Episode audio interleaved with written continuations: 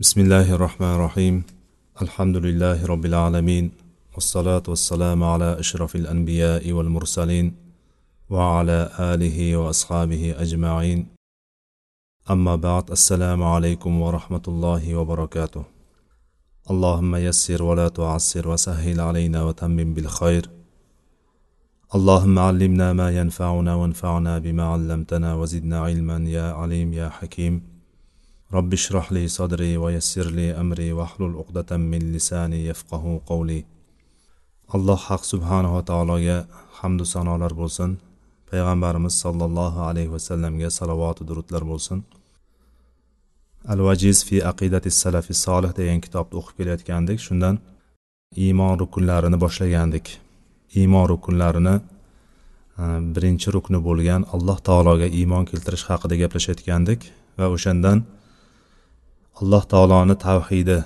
alloh taoloni yakkalashlik haqidagi boblarni bugun inshaalloh nihoyasini xulosasini o'qigan bo'lamiz.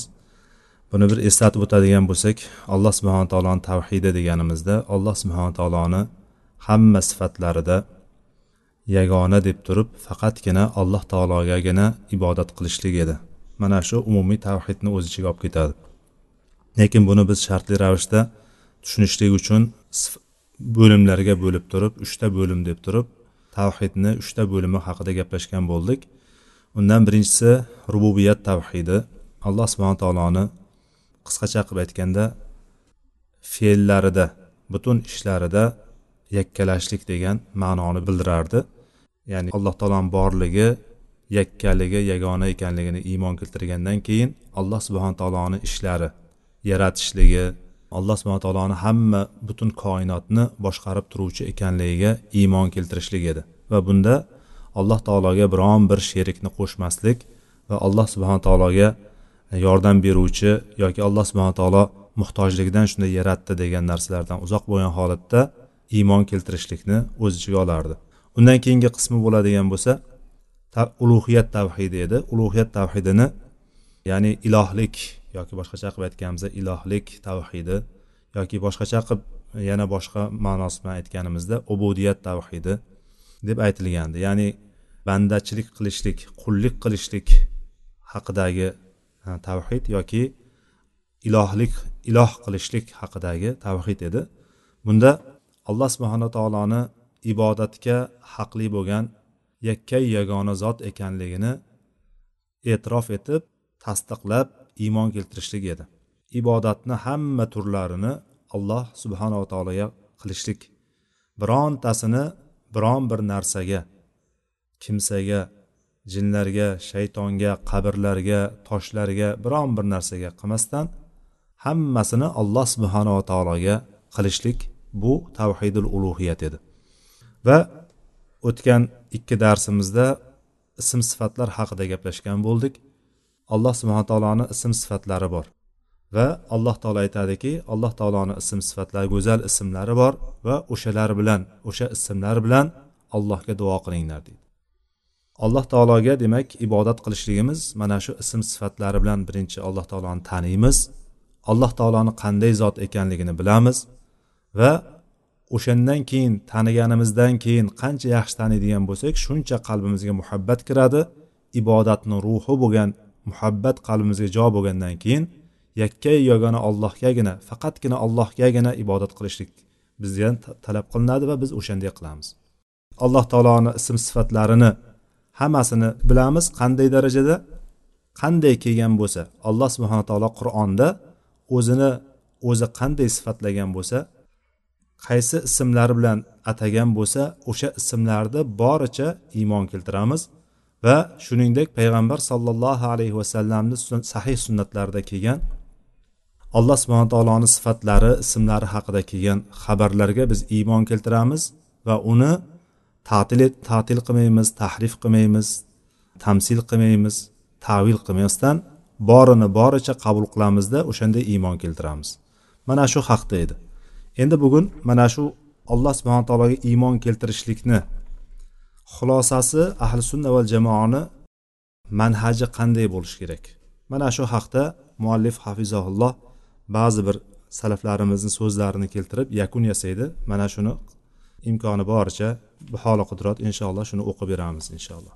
Alloh subhana taologa iymon keltirishlik deganimizda alloh subhana taolo o'zini kitobi ya'ni qur'oni karimda o'zi haqida xabar bergan yoki payg'ambarimiz sollallohu alayhi vasallam sahih sunnatlarida alloh haqida xabar bergan alloh taoloni haqida xabar bergan narsalarga iymon keltirishlik to'liq taslim bo'lishlik va hech qanday shak shubha qilmasdan turib to'la to'kis iymon keltirib taslim bo'lishlik va mana bularga qanday kelgan bo'lsa ya'ni amal keraktiradigan bo'lsa amalni talab qiladigan bo'lsa o'shalarni barisiga iymon keltirib amal qilishlik bu bunda ilhotga kirmagan holatda. Tahrifga kirmagan holatda. Tavil ta'til takyif deganimiz holatlarga kirmagan holatda iymon keltirishlik. Ilhotda aytgandik. Ilhot haqdan og'ishlik haqdan burilishlik. Ya'ni haqdan uzoqlashishlikni ilhot degandik. Ta'til bo'ladigan bo'lsa alloh subhanaa taoloni sifatlarini inkor qilishlik. Hammasini inkor qilishlik yoki bittasini tasdiqlab turib ikkinchisini inkor qilishlik ham mana shu jumlaga kiradi. Ta'tilga kiradi. Ta'til ya'ni buzishlik degan ma'nosi bor. Bu olloh subhanava taoloni sifatlarini isbot qilmaslik yoki bittasini isbot qilib bittasini isbot qilmaslik. Tahrif bo'ladigan bo'lsa qur'on va sunnatda kelgan lafzlarni yoki ma'nolarini buzishlik o'zgartirishlik. Yahudlar bani isroil yahudlar va butun bani isroil mana shu tavrotda va injilda yuharrifunal kalima amma vadiihi deb keladi. Yuharrifuna mana shu tahrifdan kelib chiqadi. Harrafa yuharrifu tahrif mana shu fe'lni mana shu fe'ldan olingan tahrif qilishlik. Ular asl lafzlarni o'zgartirib yuborishdi. O'sha lafzlarni o'zgartirganligi yoki harflarni o'zgartirganligi yoki oyatlarni kelgan o'rnidan boshqa o'ringa qo'yganligi uchun alloh taolo ularni la'natladi. Alloh taolo o'shalarga osmondan keladigan azob bor ekanligini azob kelishligini ularga va'da qildi. Mana shu tahrif hisoblanadi. Taklif bo'ladigan bo'lsa bu qanday qanday qilib degan savolni berib turib orqasini surishtirishlik. Mana shuni taklif deymiz kayfiyat berishlik. Qanday ekanligini ta'rifini so'rashlik qanday bo'lganligini qanday yuz berganligini so'rashlik. Mana bu taklif deymiz. Tamsilda aytgandikki hamma tomonlama butun jihatlari bilan bir narsaga o'xshatishlik. Ya'ni alloh subhanaa taoloni ko'rish ko'radi alloh subhanaa taolo deydigan bo'lsak va huva samiul basirdagi basir sifatini oladigan bo'lsak alloh subhana taolo ko'ruvchidir. Hamma narsani ko'rib turuvchidir degan narsani oladigan bo'lsak bular ya'ni tamsil qiluvchilar nima deydi? Aytadiki demak alloh subhana taoloda ko'z bor deydi. Bu ko'z butun biz ko'rganim bilganimizdek tashqi tarafdan qovoq bor undan keyin ko'zni oq qismi qora qismi va orqa qismlari va undan keyin miyaga boradigan yo'llari degan narsalarni hammasi xuddi maxluqniki o'xshaydi degan tarzda hamma tomonlama o'xshatib yuborishlikda bu tamsil deydi. Qo'l deydigan bo'lsa xuddi qo'limizdagi nechta qismi bor nechta barmog'i bor nechta bo'g'imi bor. Bularni xuddi shunday o'xshatib yuborganday o'xshatishlikda buni tamsil desa tashbih bo'ladigan bo'lsa ba'zi bir qismlarni o'xshatishlik. Hamma tomonlama emas ba'zi tomonlama o'xshatishni tashbih deydi. Xullas mana shu jihatlarga kirmagan holatda iymon keltirishlik alloh subhana taologa. Va iymon keltirganda hech qanday taraddudga tushmagan holatda shak shubha qilmagan holatda iymon keltirishlik bo'lib bu qat'iy iymonni to'la taslimni va o'shanga amal qilishlikni o'z ichiga olib ketadi. Bu haqda faqih tobeinlardan faqihlardan bo'lgan imom muhammad ibn muslim az zuhriy rahimaulloh shunday deydi. Minallohi risala alar rasulil balag va alayna taslim deydi. Aytadilarki yuborish ya'ni risolani yetkazishlik ollohdandir payg'ambarlikni tushirishlik kitoblarni tushirishlik islom dinini shariatini tushirishlik alloh subhana taolodandir. Alloh subhana taolo buni yuboradi. Payg'ambarga yuboradi payg'ambarni vazifasi esa yetkazishlik alar rasulil balagh. Payg'ambarni vazifasi bo'yniga tushgan zimmasiga tushgan vazifa yetkazishlik. Bizga tushgani bo'ladigan bo'lsa va alayna taslim bizga tushgani esa taslim bo'lishlik bo'ysunishlik. Ya'ni bizga boshqa yo'l yo'q bo'ysunishdan boshqa yo'l yo'q. Bo'yin tovlay olmaymiz bundan. Bo'yin tovlaydigan bo'lsak biz islomdan chiqib ketib qolamiz. Shuning uchun alloh taolo qanday yuborgan bo'lsa payg'ambar xuddi shunday yetkazdi. Biz ham qanday bizga yetib kelgan bo'lsa xuddi shunday o'shani qabul qilishlik bizga tushgan narsa bo'ladi. Hofiz sufyon ibn uyayna rahimaulloh shunday deydi. Alloh subhanaa taolo o'zini qur'oni karimda sifatlagan har bir sifat faqiroatuhu tafsiruhu deydi. Alloh subhana taolo qur'onda o'zini sifatlagan barcha sifatlar har biri barcha sifatlarni har biri ularni o'qilishi uning tafsiridir deb aytadi. Qur'onda yana hozirgi oyat takrorlaymiz. Laysa kamislihi shay'un va huva samiul basir oyatini takrorlaymiz. Alloh subhana taologa o'xshagan biron bir narsa yo'q deb turib birinchi qismda inkorni keltirgandan keyin alloh taolo biron bir narsaga biz bilgan inson bilgan biron bir narsaga o'xshamasligini aytgandan keyin alloh subhana taolo o'zi sifatlayaptiki va huva samiul basir deyapti. Va huva sami al basir deyapti. Alloh taolo eshituvchi va ko'ruvchidir deyapti. Mana shu o'qilishligi qanday kelgan bo'lsa samio deb o'qiyapmiz basir deb o'qiyapmiz. O'zbekchaga tarjimasi ma'nosi eshituvchi ko'ruvchi degani mana shu o'qilishi qanday o'qiyotgan bo'lsak eshituvchi deyapmizmi? Demak mana shu o'shani tafsiri o'sha alloh taoloni sifatini tafsiri bo'lyapti. Qanday o'qilinsa xuddi o'sha tafsiri bo'ladi deb aytgan ekan bu kishi. Rahimaulloh va ularga biron bir kayfiyat ham unga o'xshash narsa ham zikr qilinmaydi. Kayfiyat berolmaymiz va bunga o'xshaydimikan alloh taoloni qo'li bor ekan. Alloh taoloni qo'li bo'lsa bizni qo'limizga o'xshaydimikan degan mislni ham biz alloh taologa sifatlay olmaymiz. Qanday bo'lsa qanday o'qilinsa xuddi o'shanday iymon keltirib ketaveramiz. Bizga tushgani mana shu. Imom shofiy rahimaulloh aytadilarki men alloh taologa shunday iymon keltirdimki alloh taolo qanday o'shandan maqsad qilgan bo'lsa nimani maqsad qilgan bo'lsa o'sha narsaga iymon o'shanday holatda iymon keltirdim bimaja anillah alloh subhana taolodan kelgan narsalarda alloh taolo qanday murod qilgan bo'lsa nimani xohlagan bo'lsa o'shanday holatda iymon keltirdim va rasululloh sollallohu alayhi vasallamga va u kishi olib kelgan narsaga payg'ambarimizni o'zi qanday nimani iroda qilgan bo'lsalar nimani xohlagan bo'lsalar xuddi shunday iymon keltirdim deb turib aytgan ekanlar bu kishi. Ya'ni bu degani alloh subhana taolo o'zini ism sifatlarini yoki alloh subhana taolo o'zi haqida biron bir xabarni bergan bo'lsa va'da berdimi vaid bilan tahdid qildimi yoki bir xabarni berdimi qissalarni zikr qildimi yoki umuman olganimizda qur'onda kelgan hamma narsani alloh taolo izoh bergan bo'lsa izoh berganidek. Alloh taolo izoh bermasdan shunday zikr qilgan bo'lsa shundayligicha iymon keltiraman degan. Va rasululloh sollallohu alayhi vasallam aytgan gaplari ham xuddi shunday. Payg'ambarimizni hadislari bor. Hadislarda zikr qildi. Ba'zi o'rinlarda alloh subhana taolo haqida gapirdi.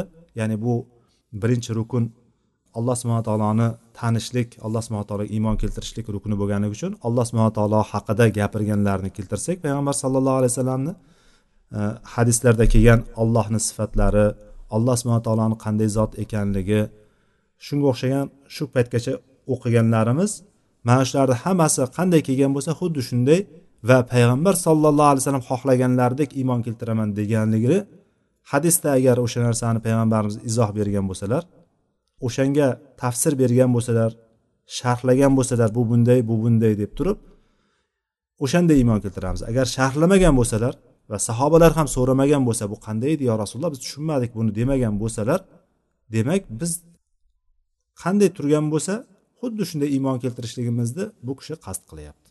Va bu kishi mana shunday deb turib iymon keltirgan ekanlar imom molik ibn anas rahimaulloh darul hijra imomi darul hijra deb turib tanilgan ya'ni hijrat hijrat yurti ya'ni madinaning imomi bo'lgan imom molik ibn anas rahimaullohdan shunday keladi ekan. Sizlar bidatdan uzoq turinglar. Bidatdan yiroq bo'linglar.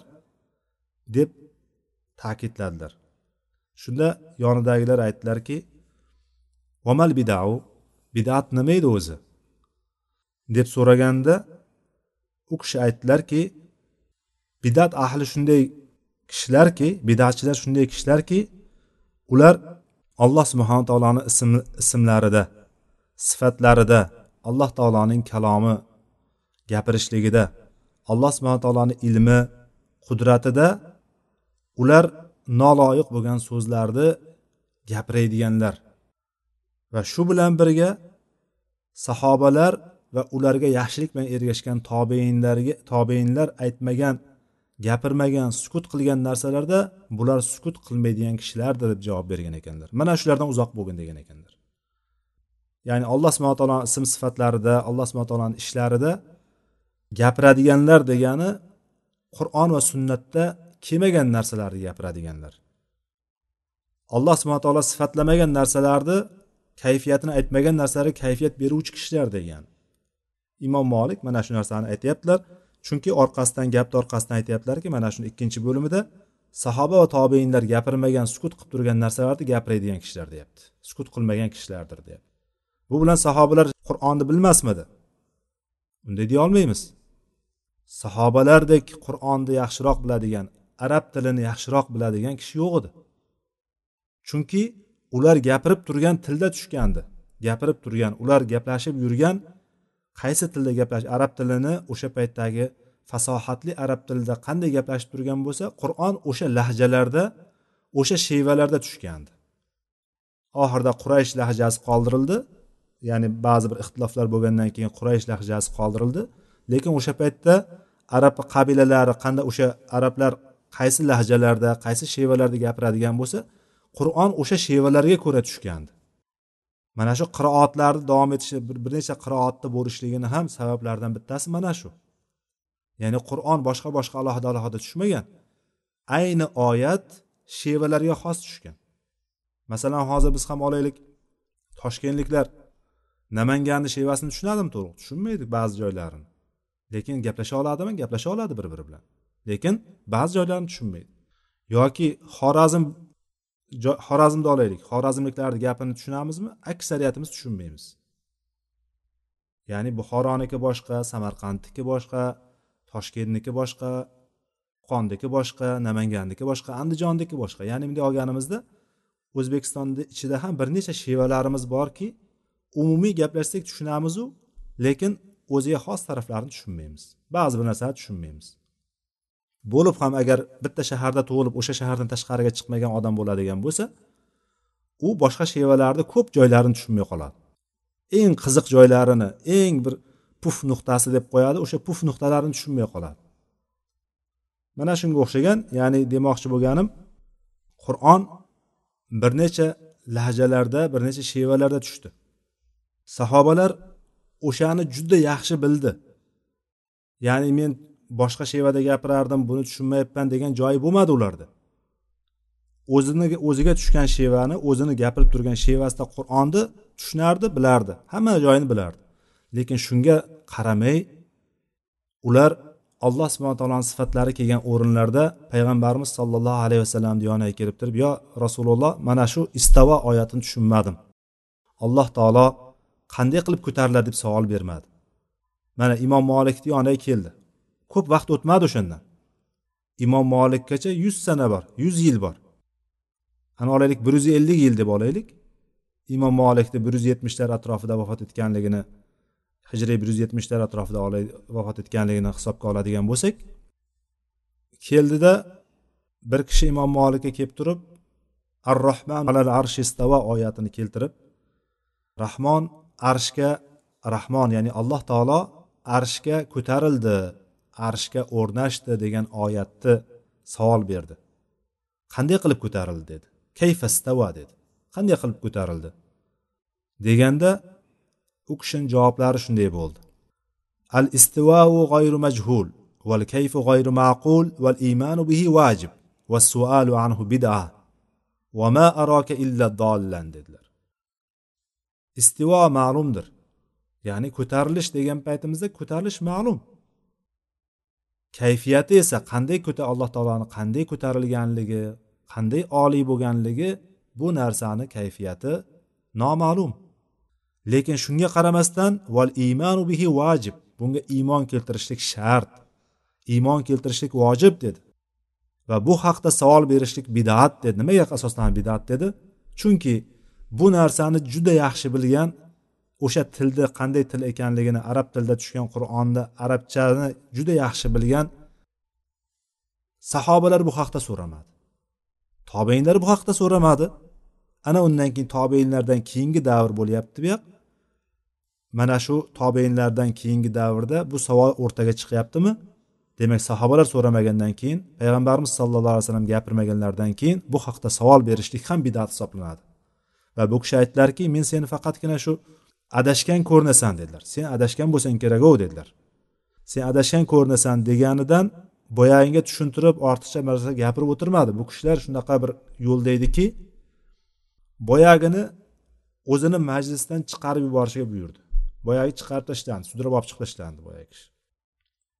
Ya'ni ular bilan aytishib ular bilan tortishib ular bilan bahslashib o'tirgani yo'q.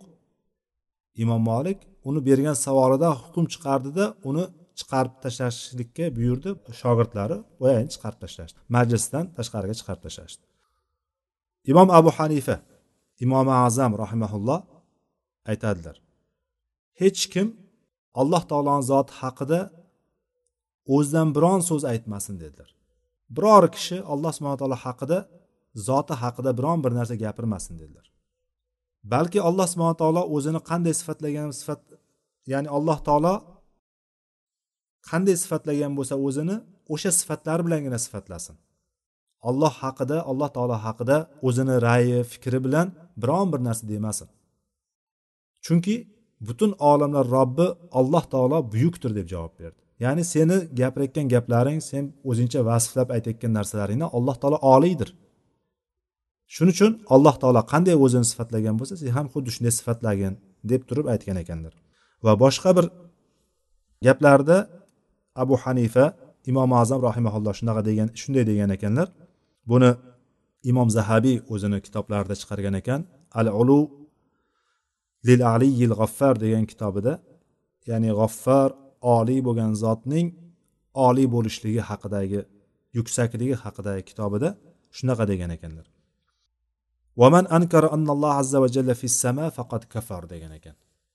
Imom azam shunday deyaptilar rahimaulloh hanafiy mazhabini asoschisi bo'lgan imom azam shunday deyaptilar.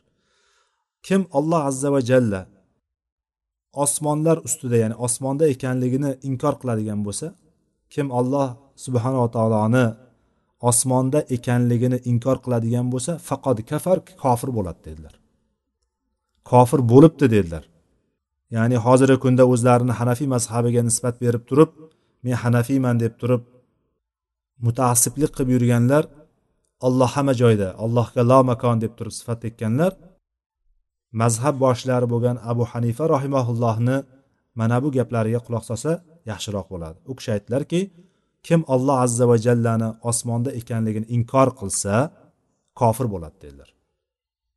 Va u kishidan yana so'ralgan ekan alloh taoloni nuzuli qanday nuzuli haqida nuzul sifati haqida so'ralgan ekan. O'tgan darsimizda o'tuvdik nuzul alloh taoloni tushishligi.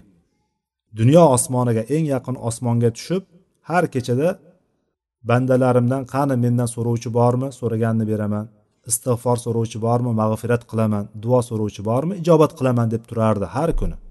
Nuzuli bor yoki qiyomat kuni nuzuli kelishligi bor maji degan kelishligi bor. Mana shu sifat haqida nuzul haqida so'ralganda imom azam rahimaulloh aytdilarki yanzilu bila kayfin dedilar. Alloh taolo tushadi. Alloh taolo nozil bo'ladi keladi kayfiyatsiz lekin degan ekan.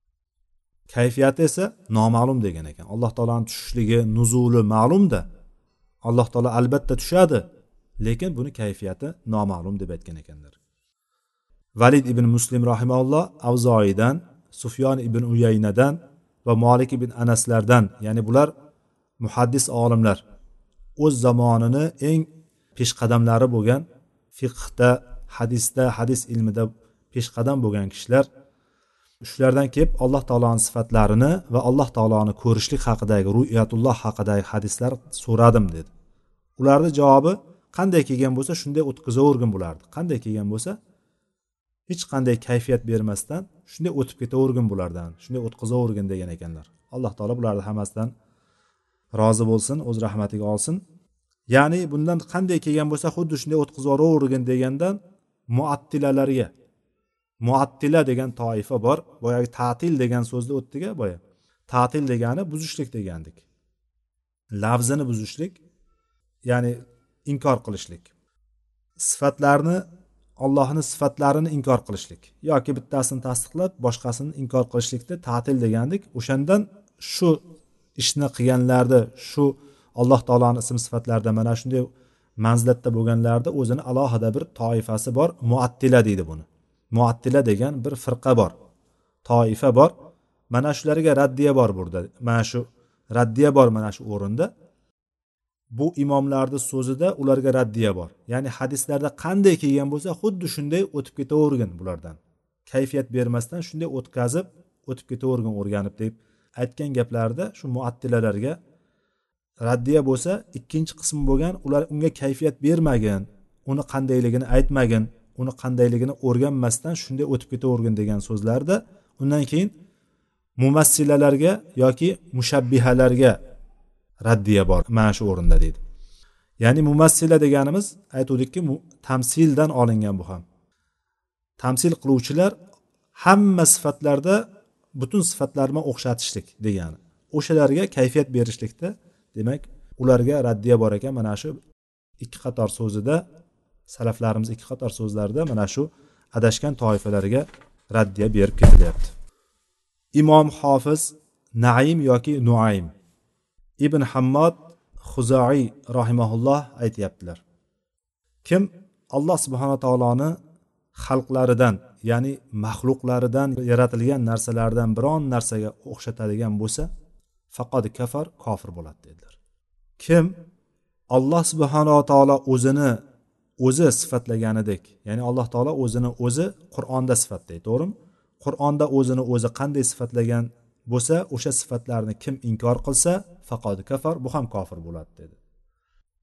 Chunki alloh taolo o'zini qanday sifatlagan bo'lsa va payg'ambari rasululloh sollallohu alayhi vasallam qanday sifatlagan bo'lsa mana bu sifatlarda birontasida biron narsaga o'xshashlik yo'q deb aytgan ekanlar. Ba'zi salaflar quyidagi so'zlarni ham keltirib o'tgan ekanlar. Alloh taolo ularni rahmatiga olsin. Qodamul islami la tasbutu illa ala qantarati taslim degan ekanlar.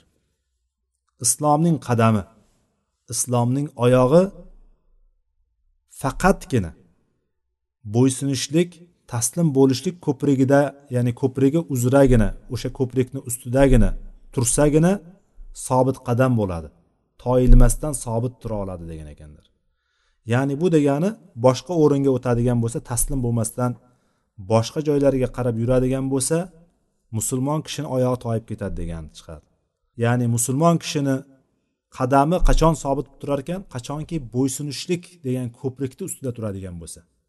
Bo'ysunishlik ko'prigini ustidan yuradigan bo'lsa ana o'shanda u sobit qadam bo'lib ketadi. Hech qayoqqa toymasdan to'g'ri haq yo'lni ustida yurib ketadi. Bo'lmasam oyog'i toyib ketadi deb aytgan ekanlar. Imom ibn qudoma al maqdisiy rahimaulloh shunday degan ekanlar. Mana shu shaklda mana shu ko'rinishda imomlarimizdan salaflar ham xalaflar ham. Salaf va xalaflarni bilamiz a? Salaflar deganimiz salaflarni mana shu kitobni boshida o'qigandikki salaflar kimlar? Boshida imomi payg'ambarimiz sollallohu alayhi vasallam undan keyin sahobalar va tobeinlar. Va o'sha salaf deganimiz albatta o'zimizdan oldin o'tgan kishilarni salaf derdik va biz salafi solih degan paytimizda ilk asrlardagi kishilarni tushunamiz va o'shalar ularga ergashgan iymon bilan sidiq bilan va ilm bilan ergashgan kishilarni salaflar deymiz va xalaflar deb turib ulardan keyingi yashagan olimlarni aytamiz. Mana shu salaf va xalaf deb ketyapmiz. Imomlarimizni bari. Hammasi alloh taolo ulardan rozi bo'lsin. Allohning kitobida va rasululloh sollallohu alayhi vasallam sunnatida kelgan sifatlarni tavilga tushmagan holatda tavil qilmagan holatda ya'ni asl ma'nosidan boshqa bir ma'noga burmagan holatda qanday kelgan bo'lsa xuddi shunday qabul qilinishi kerak degan narsada ittifoq qilishgan deyapti. Hammasi ittifoq qilingan. Birontasi tavil qilsa bo'ladi demagan. Ya'ni undan keyingi chiqqan ba'zi bir aqidaviy toifalar haqida gapirmayapmiz. Ya'ni ular tavil qilsa bo'ladi degan fikrlarda aytadiganlarda emas bu salaf va xalaf olimlarimizni ahli sunna va jamoani ichida bo'lgan olimlarimizni fikrlari alloh taolo qur'onda qanday sifatlagan bo'lsa va payg'ambarimiz sollallohu alayhi vasallam hadislarida qanday alloh taoloni sifatlagan bo'lsalar o'sha sifatlarga biron bir tavil kirgizmasdan asl ma'nodan burmagan holatda qanday kelgan bo'lsa xuddi shundayligicha qabul qilishlik iymon keltirishlik kerak ekanligiga ittifoq qilishgan deyapti. Bizga tushgani ham biz ham ularni izidan borishligimiz biz ham ularni izidan borishligimiz va ularni yo'llariga ergashishligimizga buyurildik deyapti. Buni hambaliy mazhabini imomlaridan bo'lgan ibn qudoma al maqdisiy rahimaulloh aytgan ekanlar. Ahli sunna val jamoa demak ahli sunna val jamoa ta'til ahlidan bo'lgan tashbih ahlidan bo'lgan va tafviz deganimiz ko'p o'sha haqda bahs yurituvchi o'sha haqda sho'ng'ib kirib ketuvchi bo'lgan mazhablardan mazhablardan pokdir. O'shalardan uzoqdir deb.